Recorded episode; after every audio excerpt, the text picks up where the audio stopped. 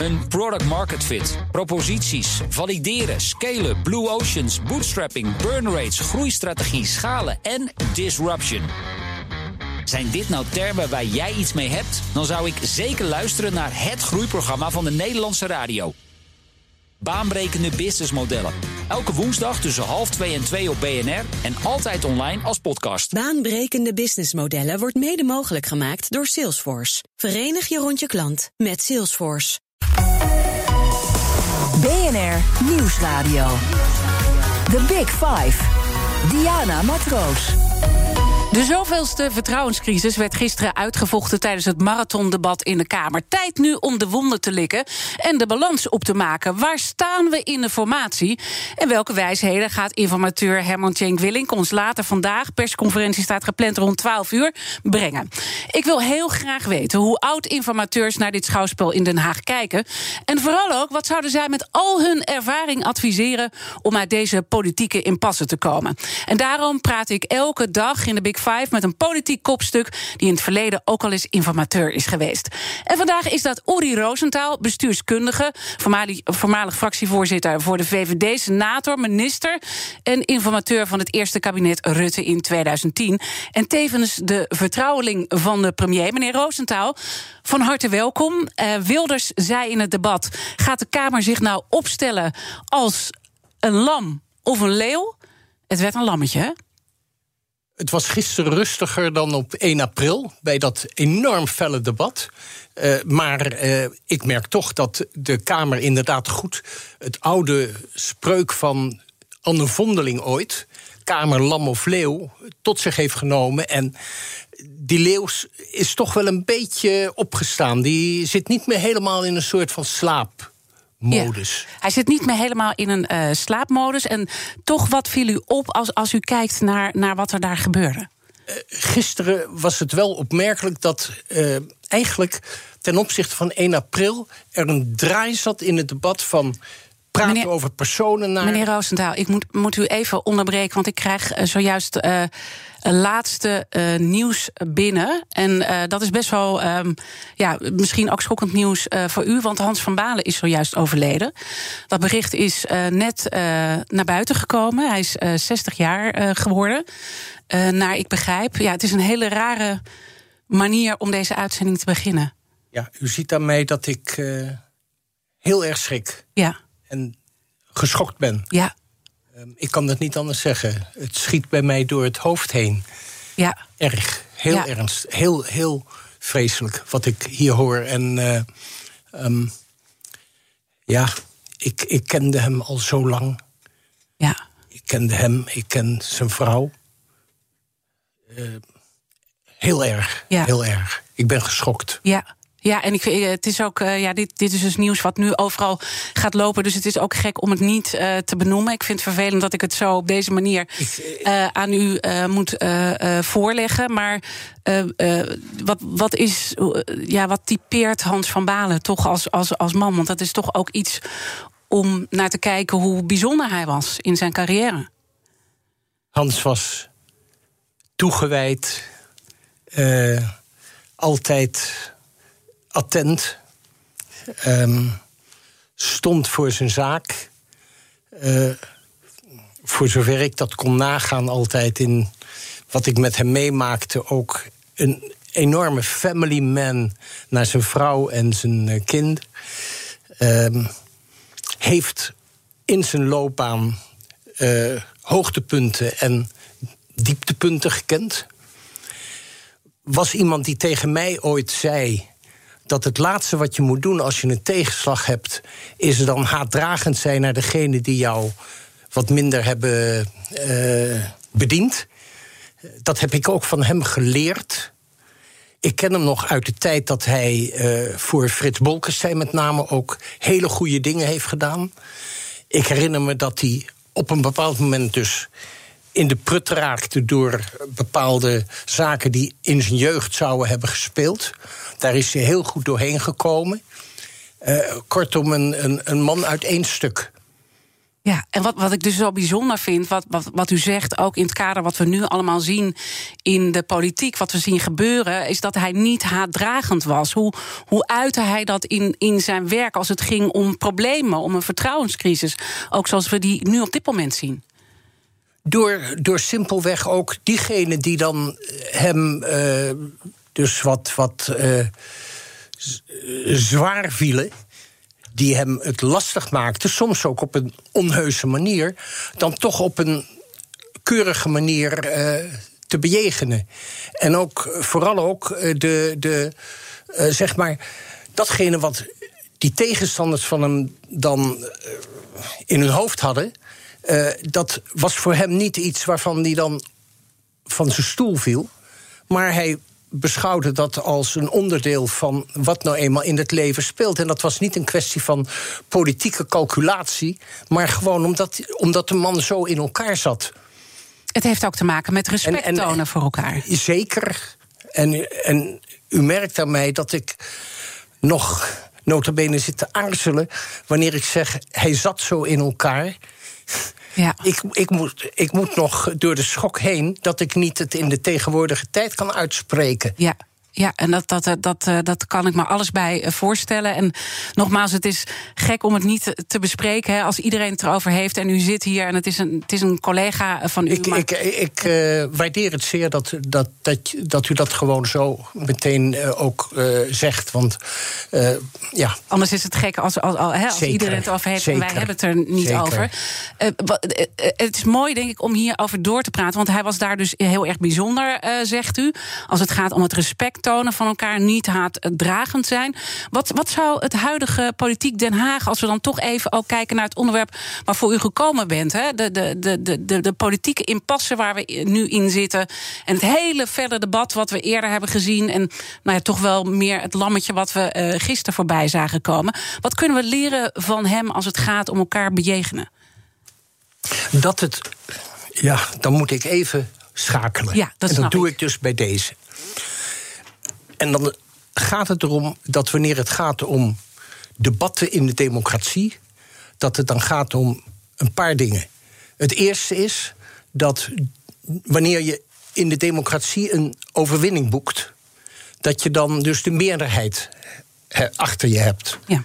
En die meerderheid die mag dan bepalen wat er moet gebeuren. Dat is democratie. Maar de andere kant van die medaille is dat die meerderheid ook respect moet opbrengen voor de minderheid, voor degenen die het verloren hebben. Degenen die verloren hebben moeten erkennen dat bijvoorbeeld de kiezers hebben besloten dat er een meerderheid zal zijn die jou misschien niet bevalt. Die meerderheid moet voortdurend op het oog hebben dat het meer gaat dan alleen maar om de stemmen die je dan hebt binnengehaald, 50% plus 1, even te incasseren en dan gewoon te doen wat je, wat je wil. Met andere woorden, democratie is uh, leven, live and let live. Ja.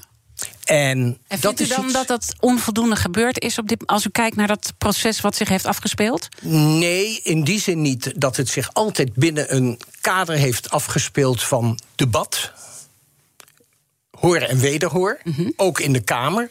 Ook bijvoorbeeld op, in dat zware debat op 1 april. Maar dat betekent ook wel dat je op een bepaald moment moet beseffen dat wanneer je in de politiek uh, met. Uh, tegenstanders te maken hebt, dat je die in, je, in hun waarde moet laten. En dat ook die tegenstanders degene die gewonnen hebben in hun waarde moeten laten. Dus op dat punt speelt dat er een, dat, wat ik ook gisteren heb gemerkt, de draai van op de persoon een beetje toch spelen, vaak over en weer, naar inhoud en oplossingen zoeken. Dat is waar het in de politiek, in de democratie ook om moet gaan. En dat is ook eigenlijk de, de, de werkwijze die we hebben gezien bij Herman Tjenk Willink hè, als informateur. Hij is begonnen bij de inhoud en pas later komen er de, de, de, de, ja, wordt er gekeken naar de personen. Dat vindt u een verstandig idee, ook met uw ervaring als informateur uit 2010? Dat vind ik een. Uh, verstandige aanpak. Het is tegelijkertijd zo dat Herman Tjenkwilling de opdracht heeft aanvaard om uh, in zijn informatiepoging vooral ook te kijken naar hoe hij herstel van vertrouwen tussen de verschillende partijen kan bewerkstelligen. En dat herstel van vertrouwen, dat betekent vandaag de dag. Ik ga even niet in op de staatsrechtelijke kant, waarbij vertrouwen iets anders betekent. Maar zoals het nu gaat, betekent herstel van vertrouwen dat je de ook de verhoudingen tussen de personen in kwestie weer moet proberen te herstellen. En eigenlijk uh, zou je kunnen zeggen, als je kijkt naar het uitlekken van de notulen van de ministerraad en het marathondebat gisteren, ze zaten wel heel gebroederlijk uh, naast elkaar in uh, vak K. Het heeft misschien ook een beetje de formatie geholpen? Het is een natuurlijk proces dat wanneer je met elkaar wordt geschoren, dat je dan naar elkaar toe kruipt.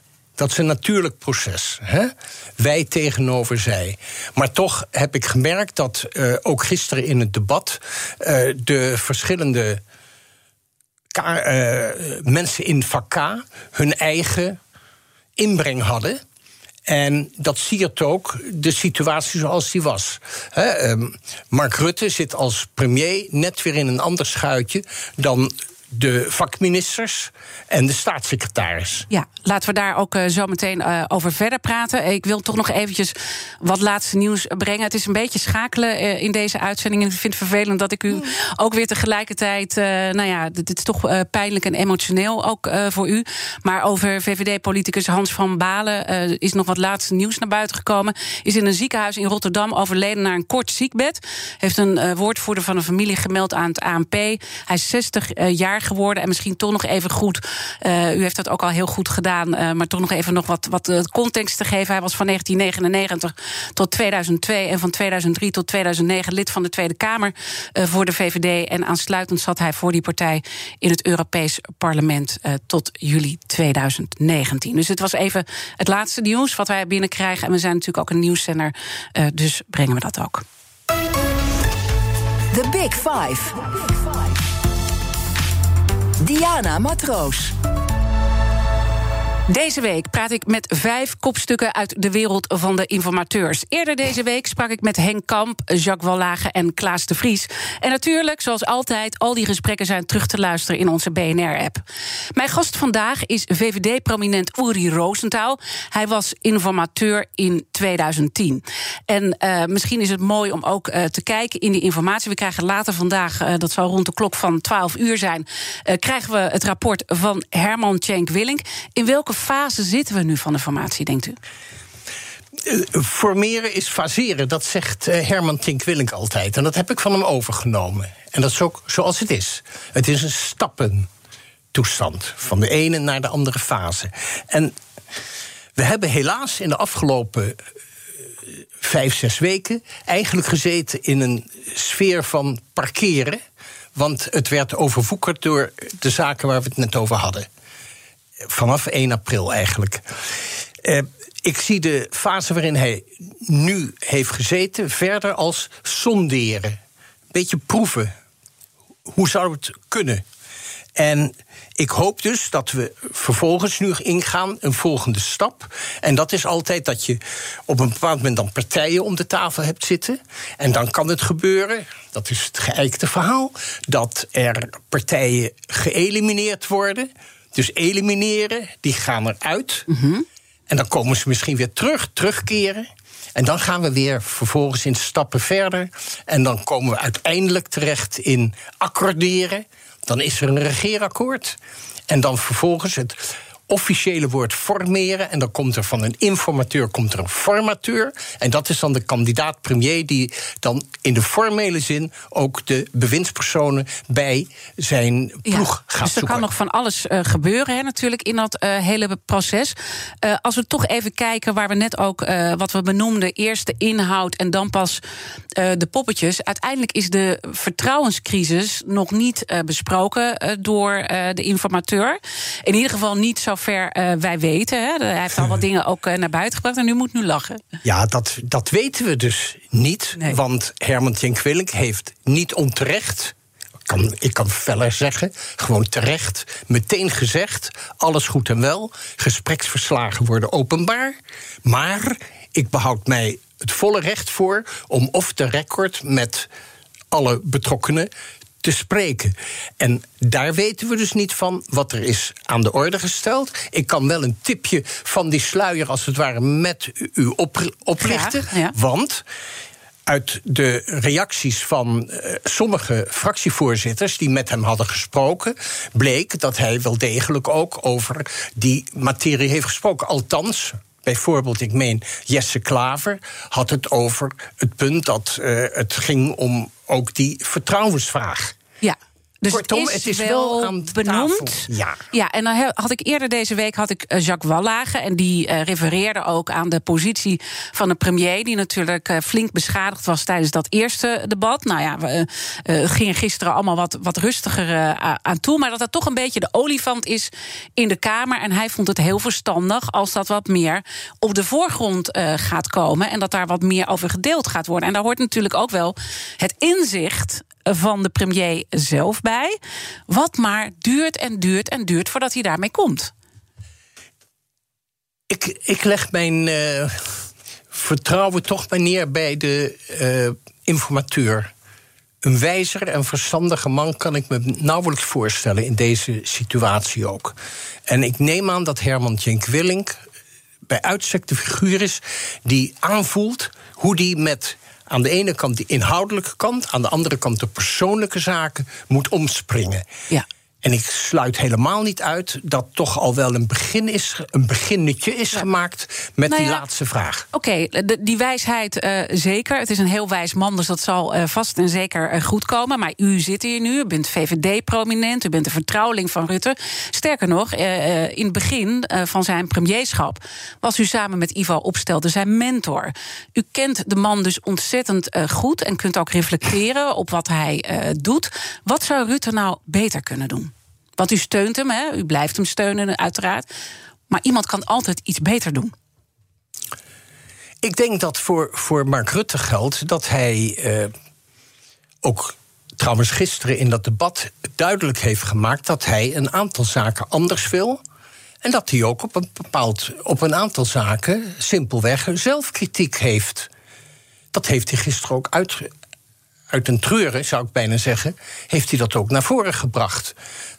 En als het gaat om de relatie Kamer-regering, dan is hij de eerste die nu heel duidelijk maakt dat ook voor hem bepaalde zaken die in, het, in de relatie tussen regering en parlement zijn gesloop, geslopen, dat hij die weer zal moeten weghalen. Ja, maar het gaat natuurlijk ook om de persoonlijke reflectie, hè, zijn houding. En hij heeft natuurlijk wel gezegd dat hij niet trots is over Ja. wat hij in de notulen heeft gezegd. Hè. Dus dat was dan wel een beetje een knieval. Maar hij geeft ook aan, ja, er komt nog wat. Nou, eh, Waarmee moet hij dan als u komen? nou, als u nou een, eh, twee punten. Ten eerste, als u nou toch van mij iets wil horen wat bijna karakterologisch volgens mij bij hem zo speelt, dan zeg ik Henk Kamp na dat nou juist Mark Rutte iemand is die, en dat is wel merkwaardig in zekere zin, die van het debat houdt. Die houdt van hoor en wederhoor, van iets zeggen en dan tegenspraak kijken, krijgen. Hij wordt juist kregel wanneer hij alleen maar te horen krijgt prachtig en mooi en goed. Dat is, daar is hij de man niet naar. En dat is wat ik ook al wel eens eerder heb gedebiteerd. Dat is ook. Dat ligt in de aard van iemand die in een liberale stroming zit. Ja. En waarom is hij dan. eh, ik, ik, eh, stel, ik ga even met u mee. Hè. De man zit zo karakterologisch in elkaar. Waarom is hij dan in deze situatie terechtgekomen? Waarom heeft hij daaraan meegedaan? Waarom heeft hij, eh, zoals het noemde, eh geëchoed wat eh, Cora eh, van Nieuwenhuizen zei, van, ook van uw partij? sluipend proces. Sluipend proces dat zich al veel langer in onze politieke arena heeft voorgedaan. Dat gaat heel ver terug. Dat heeft alles te maken met ook het feit dat we zitten met een constellatie vandaag de dag. waarin je soms met heel veel partijen eenheid moet smeden. Als premier staat hij als eerste vooraan om de eenheid van regeringsbeleid te, te bewerkstelligen. Heeft hij ook zichzelf de taak gesteld om een regeerakkoord dat hij op een bepaald moment heeft gesloten. En dat regeerakkoord is dus niet een akkoord van een paar ministers die in de treffenzaal Ja, zitten. dat is vaak een misverstand. Hè? Nee, dat is dus een regeerakkoord van fractievoorzitters in de Kamer. Nou, dat regeerakkoord uitvoeren, dat speelt ook. En natuurlijk speelt daar ook mee dat je op een bepaald moment altijd afweegt de voor- en nadelen van enorm veel ruimte laten. Met het risico dat de zaak. dat, dat je gaat struikelen. Mhm. En aan de andere kant de stabiliteit die je ook nodig vindt Ja. om crisis Maar- en dergelijke op te Maar u zegt het is een sluipend eh, proces geweest. Hij heeft natuurlijk wel leiding gegeven aan dat sluipende proces. Hij zit er eh, tien jaar. eh, Jacques Wallage, om het toch nog maar even aan te halen met wie ik eerder deze week sprak. Die zei van: Ja, ik zie ook nog wel een fris iemand als ik naar Rutte kijk. Maar je moet ook wel eerlijk zeggen: een houdbaarheidsdatum op zo'n positie is eigenlijk acht jaar. En hij zit al op tien jaar. Is, is dat niet ook, wordt hij niet ook een beetje sleets dat hij eh, ja, dat toch een beetje heeft laten ontglippen? dan vraagt u toch een beetje ook naar hoe ik hem meemaak. En dan is sleetsheid het laatste wat ik bij hem aantref. Eh, het is een energieke man die ook aanpassingsvermogen heeft. Dat wordt hem soms ook juist verweten. Dat hij zich een beetje zo. eh, hij is wel eens genoemd de Teflon-premier. Eh, nee, het is een man die flexibel is, die energiek is, die eh, zichzelf ook in acht neemt, een sober leven leidt. En dat helpt dus om, wat dat betreft, dus heel vief door het leven te gaan. En dus ook door ja, het politieke hij benoemde leven. die frisheid ook, hè, maar eh, tegelijkertijd eh, die andere kant. En je ziet natuurlijk wel dat hij beschadigd is. Ik bedoel, eh, de oppositie pakt hem hard aan, maar ook de coalitie. Ik bedoel, nu zaten ze weer gebroedelijk naast elkaar. Maar Kaag heeft natuurlijk ook gezegd: hier scheiden onze wegen. Hè, dus hij stond toch wel een beetje alleen. Ik ga even dan puntje op de i zetten. Ja. En dat gebeurt dan, moet dat soms. Als het gaat om de opmerking van Sigrid Kaag over het scheiden van de wegen, dan is dat veel breder gemaakt dan in het debat op 1 april gebeurde. Excuus dat ik even ga puntjes op de i ga zetten. Dat scheiding van de wegen, dat was een reactie van haar op een uitspraak van Mark Rutte in de microfoon. Dat ook Sigrid Kaag eh, vond dat er over Pieter Omtzigt niet gesproken was. Daar zei ze, hier scheiden onze wegen, want mijn herinnering is een andere. Ja, maar ze zei ook tegelijkertijd: eh, als ik in de positie had gezeten van Rutte, dan was ik opgestapt. Dat, Dat heeft is ze daarna meer. ook eh, gezegd. Dat is, daar heeft u simpelweg gelijk de in. puntjes op de dat i te klopt. Dat is het andere puntje op de i. En eh, dat vond ik toen dat door haar werd gezegd... eerst in de Kamer en daarna ook in de camera... keek ik daar wel even van op. En ik had het prettiger gevonden in die, in die episode... als zij net als haar collega Wopke Hoekstra had gezegd... ik zit niet in de schoenen van eh, eh, Mark Rutte. Ja, maar is het niet toch zo als je kijkt hoe de VVD eh, omgaat? Want er is nogal wat gebeurd. Hè? Het lijkt nu net alsof het allemaal wel meevalt. Zeker na dat wat, wat, wat matige debat eh, van gisteren. Het lammetje in plaats eh, van de leeuw. Is de VVD niet langzaam ook een bestuurderspartij geworden... die kritiek iets te makkelijk van zich af laat glijden? Het is altijd zo dat wanneer je heel lang in, aan de macht bent en bestuurt en niet in de oppositie bent, dat je dan moet uitkijken dat je niet een beetje op dat punt sleets dreigt te worden. En om die reden denk ik ook, en daar is ook veel over te doen, dat het bijvoorbeeld heel goed is dat de. Als je kijkt naar de Kamerfractie, Tweede Kamerfractie van de VVD, dat daar veel nieuw elan in is gekomen weer. Gewoon veel vernieuwing. Ik durf wel te zeggen tegen u dat ik zelfs vind op een bepaald punt dat die vernieuwing soms voor je het weet dreigt door te schieten. En dat Kamerleden die bijvoorbeeld een goede eerste termijn hebben gehad, niet meteen eh, voortdurend in de talkshows, maar wel een goede eerste termijn hebben gehad. Dat je die op zichzelf dan op hun merites moet beoordelen. En ik ben er dus ook voor überhaupt, maar dat geldt niet alleen voor de VVD, dat geldt voor de hele Kamer. Ik denk dat de hele Kamer en het, het hele politieke proces in Nederland zou winnen wanneer er wat meer rust zou komen ook in de kandidaatstelling van de verschillende partijen En ook in de continuïteit en in het opbouwen van een collectief geheugen in die Kamer. Mijn gast in BNR's Big Five van de informateurs is Uri Roosentaal. En straks wil ik heel graag van u weten hoe u vertrouwen probeerde te creëren tussen Geert Wilders en Maxime Verhagen tijdens de formatie van Rutte 1. En hoe we nou echt tot die nieuwe bestuurscultuur en ook tot een nieuw kabinet komen. Tot zo.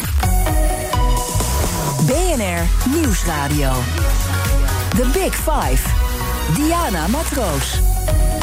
Welkom bij het tweede halfuur van BNR's Big Five. Fijn dat je weer luistert. Deze week praat ik met vijf kopstukken uit de wereld van de formatie. Mijn gast vandaag is VVD-prominent Uri Rosenthal. Hij was informateur van het eerste kabinet Rutte in 2010... en hij is ook de vertrouweling van Rutte. Ja, over die tijd gesproken, want het is altijd mooi... om weer lessen te trekken over hoe gingen uh, dingen in het verleden. U was toen informateur van Rutte 1 in 2010. Uh, we hadden toen te maken met een beetje een soortgelijke verkiezingsuitslag als nu. Hè. De VVD was de grootste, maar PVV was de tweede partij en eigenlijk de grootste winnaar. En het CDA had flink verloren, maar ging toch in de eerste ronde met u op onderzoek uh, uit. En er was ook een crisis gaande. Hè. We hadden natuurlijk 2008 de kredietcrisis en enorme economische gevolgen die daar uh, nou ja, aan, aan, aan volgden. Formatie liep moeizaam. Wat was nou de grootste issue als u daarop terugkijkt? In de eerste fase van de informatie die ik moest doen, kreeg ik inderdaad de opdracht om te kijken naar een mogelijkheid om de grootste winnaar, PVV, en de grootste partij, de VVD was net even groter geworden dan de Partij van de Arbeid toen. Uh, om die uh, bij elkaar te brengen. En daarvoor was dus ook een derde partij nodig. En dat zou dan het CDA zijn. En daar ben ik toen voor op pad gegaan. En wat was nou het geval? Uh, dus het CDA had enorm verloren. En de lijsttrekker van het uh, CDA, Maxime Verhagen, zei: uh, Ik blijf er even buiten enzovoort. Ik probeerde toch die drie bij elkaar te brengen. En dat leverde allerlei problemen op, omdat Maxime Verhagen zei: Laten die twee anderen, VVD en PVV, Rutte en Wilders, het maar met elkaar uitzoeken. En dan kijk ik wel of mij dat bevalt. Eigenlijk dezelfde opstelling die we nu zien bij Hoekstra. Precies. Ja. Dus het doet uh, nu daar wel een beetje aan denken. Uh, Geert Wilders wilde niet alleen maar met Rutte praten, die wilde gedrieën. En op een bepaald moment heb ik dus toen ook voorgesteld, omdat we in een impasse zaten, om een zogeheten non-event te hebben. Een gebeurtenis die niet heeft plaatsgehad. Ah. Zonder notulen, op een geheime plaats. Ik hoefde daar niet eens bij te zijn. Gewoon drie mannen onder elkaar. Want eigenlijk onderliggend, als we kijken naar de situatie die zich toen voordeed, ging het ook over vertrouwen. Hè? Het vertrouwen ontbrak. Zeker. En dat was ook met name tussen Geert Wilders en uh, Maxime Verhagen. Omdat Maxime Verhagen vond dat Geert Wilders veel te hard had uitgepakt, ook op allerlei punten tegenover uh, zijn partij. Dat non-event was op zichzelf al interessant, zeker ook naar de tijd van nu. Ik zeg dat even en niet om daar even me gelijk te halen.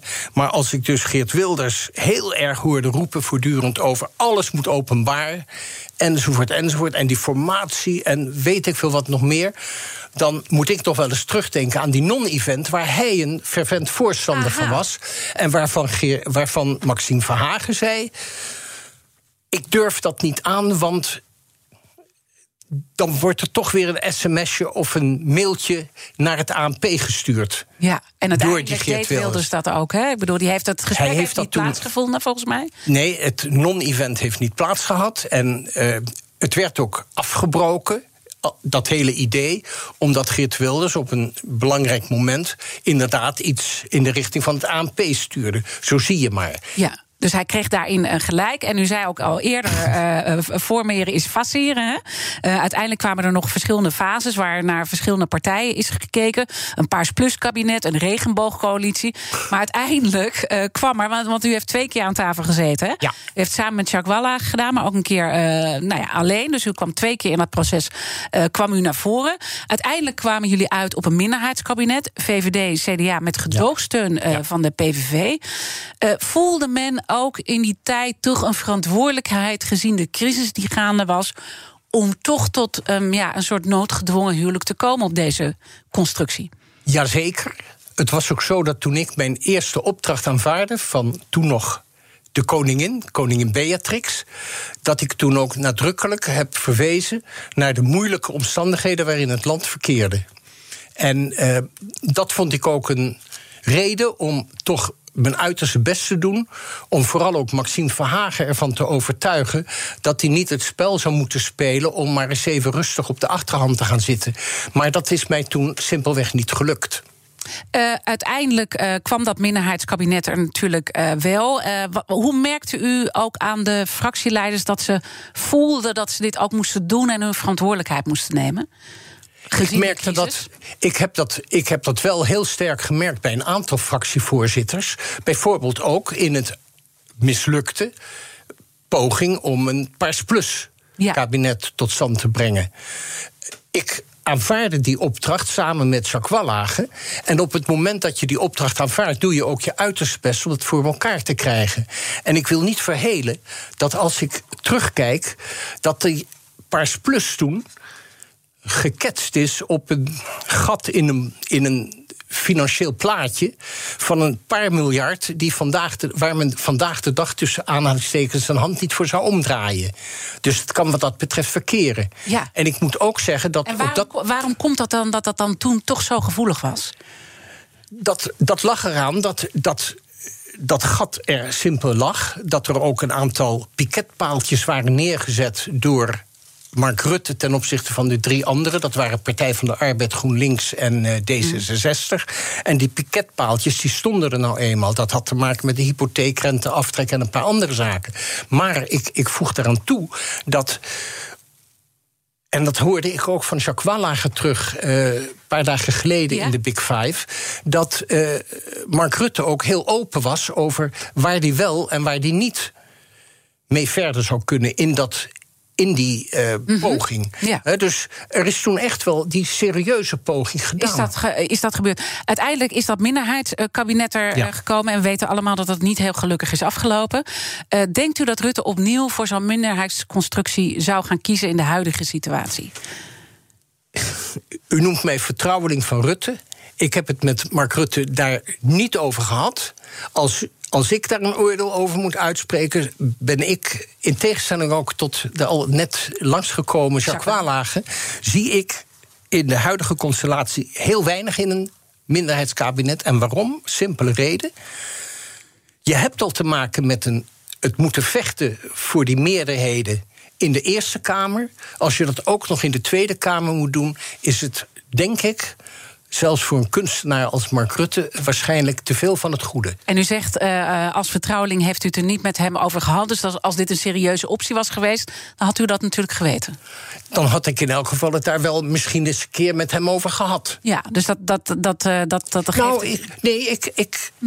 Ik weet het niet. Nee. En als ik zeg ik weet het niet, dan is dat ook zo. Ja, maar het goed, als het er niet over heeft gehad als vertrouweling... dan kan ik me ook voorstellen dat het uh, in ieder geval ook niet op zijn uh, wensenlijstje staat. Ja, uh, kijk, kijk het heeft hem, dat is ook toch wel belangrijk om te zeggen. Mm -hmm. Als wordt gezegd, Mark Rutte heeft niks met, met zaken die risico opleveren... Wat heeft hij in, in de tijd van Rutte 3 gedaan? Hij heeft voortdurend moeten vechten om een meerderheid te creëren uh, met partijen die niet tot de coalitie behoorden. Ja, ja. Dus. Uh, dat... Hij gaat het niet uit de weg, maar dit, dit minderheidskabinet is dan misschien uh, niet uh, verstandig. Dat is, te veel, dat is te veel van het goede als je zowel in de Tweede Kamer als ook in de Eerste Kamer dan -hmm. meerderheden van verschillende ja. samenstelling zou moeten. En als ik dan eventjes kijk naar uh, het debat van gisteren, waarvan we al hebben uh, vastgesteld, uh, nou ja, de, de, de, de, de brul was er niet van de leeuw. Waarvan u toch wel denkt dat hij nog gaat komen. Maar gaan we niet gewoon zien dat er zich een kabinet gaat aftekenen? CDA, VVD, D66 met Klaver. Want Klaver stelde zich heel constructief op namens GroenLinks. Die wil gewoon regeren. Ik denk dat ik denk dat het simpelweg voor mij nu te vroeg is om daar uitgesproken opvattingen over te kunnen debiteren. Uh, Tjink Willink is nog bezig. Ik wacht ook met spanning op zijn verslag straks. Maar Tjink Willink is nog in de sonderingsfase. Ja. En uh, op dat punt kunnen er, uh, kan er nog van alles aan de orde zijn. Ik ben bijvoorbeeld wel benieuwd naar of hij, zoals ik dacht dat ook, ook daar uh, Jacques Wallage het over had. Um, ik ben benieuwd of hij bijvoorbeeld nu al, wanneer hij zegt, zou zeggen: Ik heb deze hoofdpunten voor een regeerakkoord. Die punten zijn zo belangrijk. Uh, rechtsstaatherstel, mm de zaak van stikstofcrisis enzovoort. Of hij dan daar ook al een schouw heeft gedaan van partijen die mogelijkerwijze zich daarin zouden kunnen voegen. Zou dat verstandig zijn? Ik weet dat niet. Ik ben daar twijfelachtig over. En maar dat ben er wel benieuwd naar. Dus ik ben er wel benieuwd naar. Daar zit toch iets achter waarvoor? Ja, ik ben, er, ja? ik ben er benieuwd naar, omdat dat dan ook een sluier zou kunnen oplichten van dat andere punt dat we eerder al hebben uh, gewisseld. Namelijk of er toch al iets gloort van een beeld van dat herstel van vertrouwen tussen partijen. Ja, of we dat al gaan zien uiteindelijk. Uh, want we weten natuurlijk wel uh, dat er een aantal parlementaire enquêtes aankomen. Uh, de, over, de, over de gaswinning uh, Groningen, over de toeslagenaffaire. En de corona-aanpak gaat natuurlijk ook wel uitmonden in zo'n situatie. Dus je moet ook zorgen dat er wel een, een goed evenwicht komt. En dat er een stevig kabinet komt te liggen. Hoe, hoe kan je daar nou toe komen, tot een stevig kabinet? Door ervoor te zorgen dat je. Herman Tjen Kwillink ben ik ook benieuwd naar of hij vasthoudt aan zijn mededeling dat hij eigenlijk wil een regeerakkoord op hoofdlijnen met die fractievoorzitters die dan om de tafel zitten. Ja. En vervolgens zegt hij: moet dat uitgewerkt worden in een zogeheten regeerprogramma. En dat moet dan gebeuren door het nieuwe kabinet. En dat brengt met zich mee dat er dan een zware verantwoordelijkheid zal liggen bij degene die dus zouden tekenen voor, bij het kruisje voor het regeerakkoord. Mhm. Want die moeten dan bereid zijn om die fase in te gaan van, het, van wat voorheen altijd al in die voor informatie werd gedaan. Het doet mij denken aan wat er in Engeland is gebeurd in 2010. Toen daar voor de eerste keer na jaren een coalitiekabinet werd gemaakt van de conservatives en de liberalen. En ze toen hoofdlijnen hebben gepakt en toen elkaar in de ogen hebben gekeken, hebben gezegd: we hebben er vertrouwen in dat we met elkaar dan in de komende jaren op verschillende momenten die verschillende specifieke zware punten gaan bediscussiëren en oplossen. Goed, we moeten dat afwachten hoe dat uitpakt. BNR Nieuwsradio. The Big Five. Diana Matroos. Je luistert naar BNR's Big Five van de informateurs. Mijn gast is VVD'er Uri Rosenthal. Hij was in het kabinet Rutte 1 minister... en speelde ook een rol in dat kabinet als informateur. En uh, zoals gezegd ook de vertrouweling uh, van Rutte. Uh, als we nu eventjes kijken waar we staan... het was die, die brullende leeuw, die was er niet... maar die gaat natuurlijk wel weer een keertje terugkomen. Die gromt. Ja, die grond, ja. Ah. Ja. En, wat moet Rutte nou doen? Met welk inzicht? Want u, u, heeft daar wel een beetje wat over gezegd, maar u pareert hem ook uh, steeds uh, heel slim. Uh, wat moet hij nou doen? Want hij komt met iets nog. Ja. Om te zorgen dat die leeuw nou niet gaat brullen straks. Ik hoop dat hij op twee punten echt stappen vooruit zet. En hij, krijgt, hij heeft daarvoor op zichzelf ook het klaar liggen. Niet hij zelf, maar gewoon simpelweg de Kamer ook. En de regering. En dat is om serieus te nemen de invoering via de Eerste Kamer van de, van de nieuwe wet. Die heet dan Open Overheid. En die keert de zaken in feite definitief om waar het betreft hoe je moet omgaan met overheidsdocumenten en wat is meer zij. Ja. Dus de openbaar maken. Maar, dat dit is, één. maar dit is niet de persoonlijke knieval die hij moet maken. Want dat voel je gewoon, dat proef je aan de oppositie. Uh, er moet, en, en trouwens ook aan de coalitie, er moet iets gebeuren waarmee hij uh, dat vertrouwen teruggeeft. Want men voelt dat vertrouwen gewoon niet. Dat zal, dat zal moeten komen uit datgene wat hij op tafel legt aan een, inderdaad een nieuwe bestuurscultuur. Ja.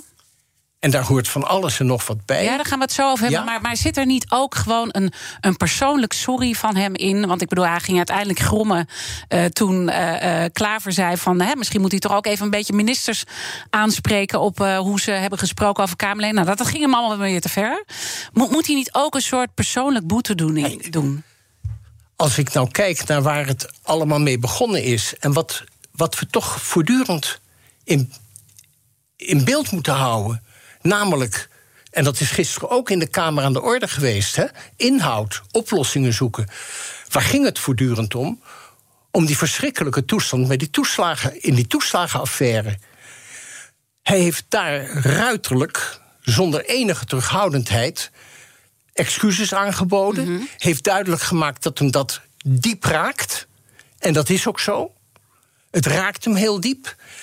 En dat is een basis om te En is dat dan genoeg? Is dat dan genoeg? Of, of, want ik, ik proef Hij gewoon toont- uit iedereen dat, ze, dat ze meer willen. En hij zegt zelf ook, ik kom nog met een groot inzicht. Ja, hij, hij, hij zal ongetwijfeld komen met een aantal zaken waarmee hij duidelijk gaat maken dat hij op twee punten het echt zelf ook anders wil. Ja. Dat is waar het betreft openheid over wat er speelt.